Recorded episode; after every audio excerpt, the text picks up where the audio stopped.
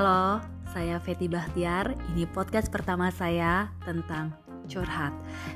Dan teman-teman bisa curhat apa aja, permasalahan apa aja di sini dan saya siap mendengarkan dan saya juga akan mengundang uh, narasumber yang bisa memberikan teman-teman masukan untuk permasalahan teman-teman semua. Sebelumnya uh, eh, DM Instagram saya di Feti Bastiar di situ nanti kita akan uh, mengatur jadwal untuk um, mencarikan narasumber dan teman-teman uh, juga bisa cerita apa permasalahannya. Uh, jangan lupa guys, uh, di follow Instagramnya dan uh, podcastnya. Bye.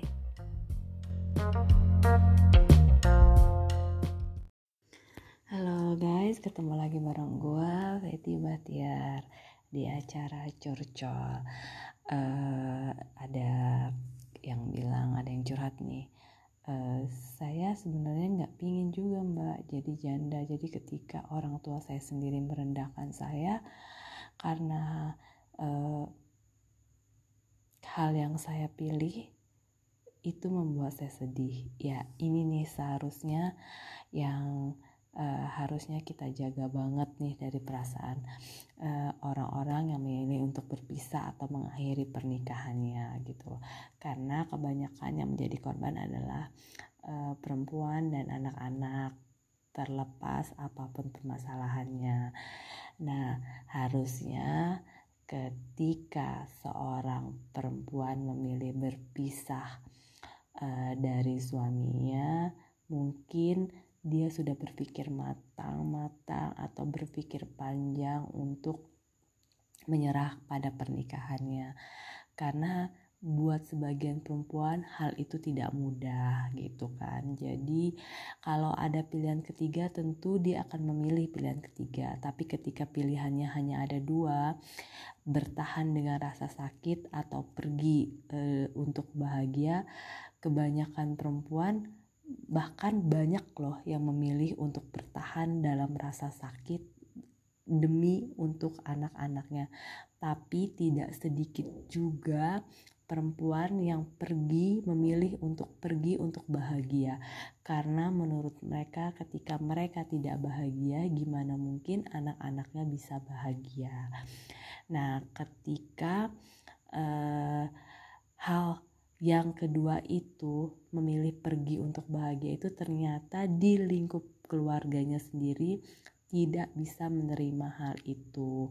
Bahkan dari orang-orang terdekat cacian, makian, hinaan, remeh dan segala macam kebanyakan uh, perempuan-perempuan yang memilih pergi atau mengakhiri pernikahannya mendapat hal-hal seperti itu. Atau mungkin bisa dibilang juga bullying dari orang-orang terdekat karena dia memilih untuk mengakhiri pernikahannya gitu kan.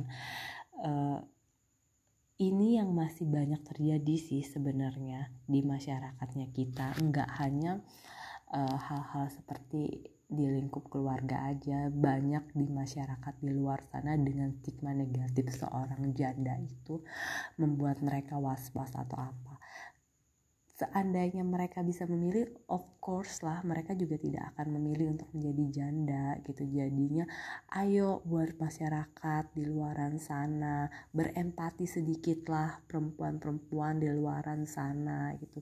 Jangan menganggap apa yang mereka pilih uh, itu mudah itu sendiri tidak mudah. Mereka memilih untuk mengakhiri pernikahannya menjadi seorang janda. Itu tidak mudah gitu. Bukankah ketika seorang anak perempuan kembali lagi kepada orang tuanya bukankah ayah dan adik laki-laki atau kakak laki-lakinya yang harusnya menanggung dia? Jangan remehkan, jangan hina dia, untuk mengakhiri pernikahan saja dia sudah tidak mudah. Jalan terjal yang dia hadapi di depan sana, dia tidak butuh sokongan materi atau apa pun. Dia hanya butuh dirangkul. Ayo rangkul, jangan ketika sedikit ada masalah itu malah membara gitu kan. Jadinya buat perempuan-perempuan di luaran sana yang menjadi seorang single parent, single mom, ayo tetap semangat. Kalian hebat, kalian pun layak untuk bahagia. Jadi, jangan takut, bangkitkan semangat. Ayo, kita semua harus uh, semangat uh, mem membuat diri kita sendiri bahagia, tidak insecure gitu kan. Oke okay guys, sekian dulu curhatan di curcol kali ini. Kalau ada yang masih ingin curhat, ayo silakan DM ke Peti Instagram Peti underscore Bahtiar. Nanti kita akan bahas di sini, kita akan kasih solusinya bersama saya, Peti Bahtiar. Bye bye. Halo guys, ketemu lagi bareng gue Peti Bahtiar di Curcol curhat colongan. Nah, emang gue sengaja nih buat podcast ini dengan nama curcol karena gue yakin banyak orang-orang di luaran sana yang punya masalah dan tidak tahu harus bercerita kepada siapa. Akhirnya gue buat podcast ini dan gue akan selalu merahasiakannya. Jadi bisa kirim DM ke gue ke Feti underscore Bahtiar nanti uh, kita akan berbagi cerita di sana atau kalau mau uh, podcast barengan juga bisa sama gue langsung aja ke curcol. Nanti di situ gue bisa add sih podcast lo apaan gitu kan. Dan di sini gue punya DM nih. Uh, mana yang harus uh, sebenarnya sih ini lebih ke permasalahan kali ya. Mana yang lebih sering lebih ke pertanyaan maksud gue lebih ke pertanyaan. Mana yang lebih sering dilakukan sebagai orang tua, ngobrol dengan anak sebagai teman, atau bicara ke anak sebagai orang tua, jadi anak hanya sebagai pendengar aja. Nah, menurut kalian tuh yang mana sih? Kalau gue, uh, gue lebih ke ngobrol sama anak sebagai teman, karena uh, gue ngerasa anak juga manusia, punya pikiran, punya rasa seperti kita orang tuanya. Jadi uh, gue mau membiarkan dia merasa aman nyaman cerita apa banyak hal ke gue mencurahkan isi hatinya uh, terus belajar mendengar. Gue juga jadi belajar mendengarkan memahami apa sih yang sedang anak gue bicarakan gitu kan. Jadi uh, membuat dia itu belajar melihat dunia itu dengan bijak menjalani hidup tuh dengan sikap yang dewasa. Jadi biar anak-anak juga uh, bisa mengamati setiap cara setiap langkah. Terus uh, biar kita juga bisa menjadi referensi untuk dia belajar banyak hal gitu kan dalam menghadapi kerasnya dunia. Wis ya kerasnya dunia.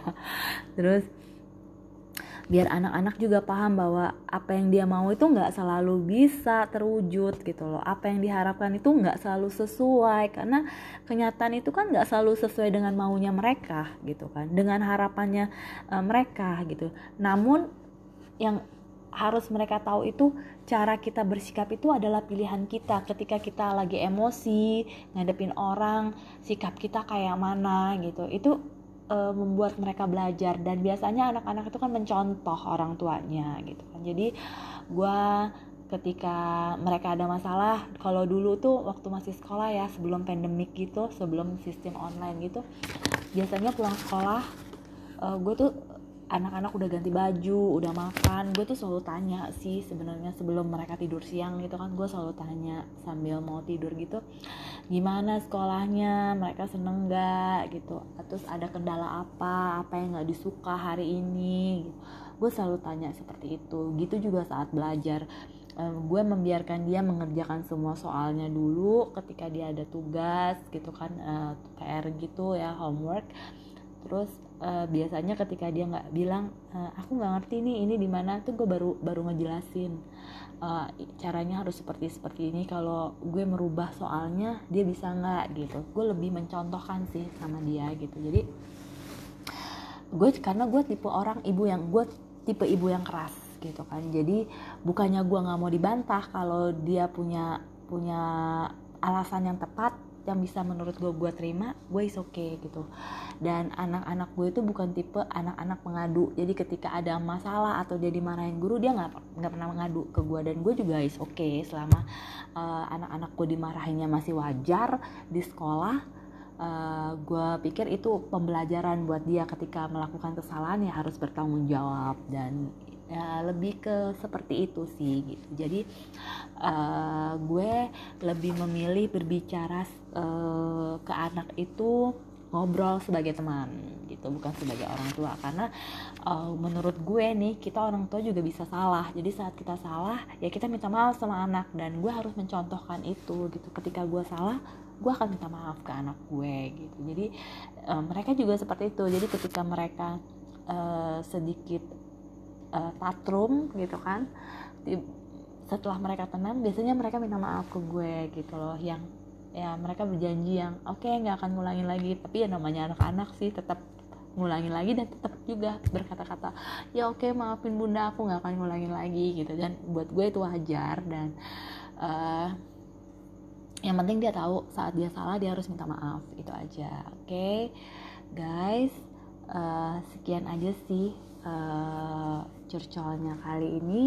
Kalau mau curcol-curcol lagi boleh langsung DM aja ke Feti underscore Bahtiar di Instagram. Dan ya siapa tahu bisa membuat uh, hati sedikit plong gitu kan berbagi teman cerita walaupun kita nggak kenal atau apa pun. Uh, bercerita gue hanya berusaha mendengarkan apa yang orang-orang ingin ceritakan gitu. Jadi karena gue tahu uh, cerita itu bisa mengurangi beban gitu kan? Apa pun itu bebannya setidak-tidaknya uh, ada orang yang mendengarkan walaupun tidak bisa membantu banyak tapi bisa mendengarkan. Sedikit mengurangi beban. Oke terima kasih dan sekian. Bye bye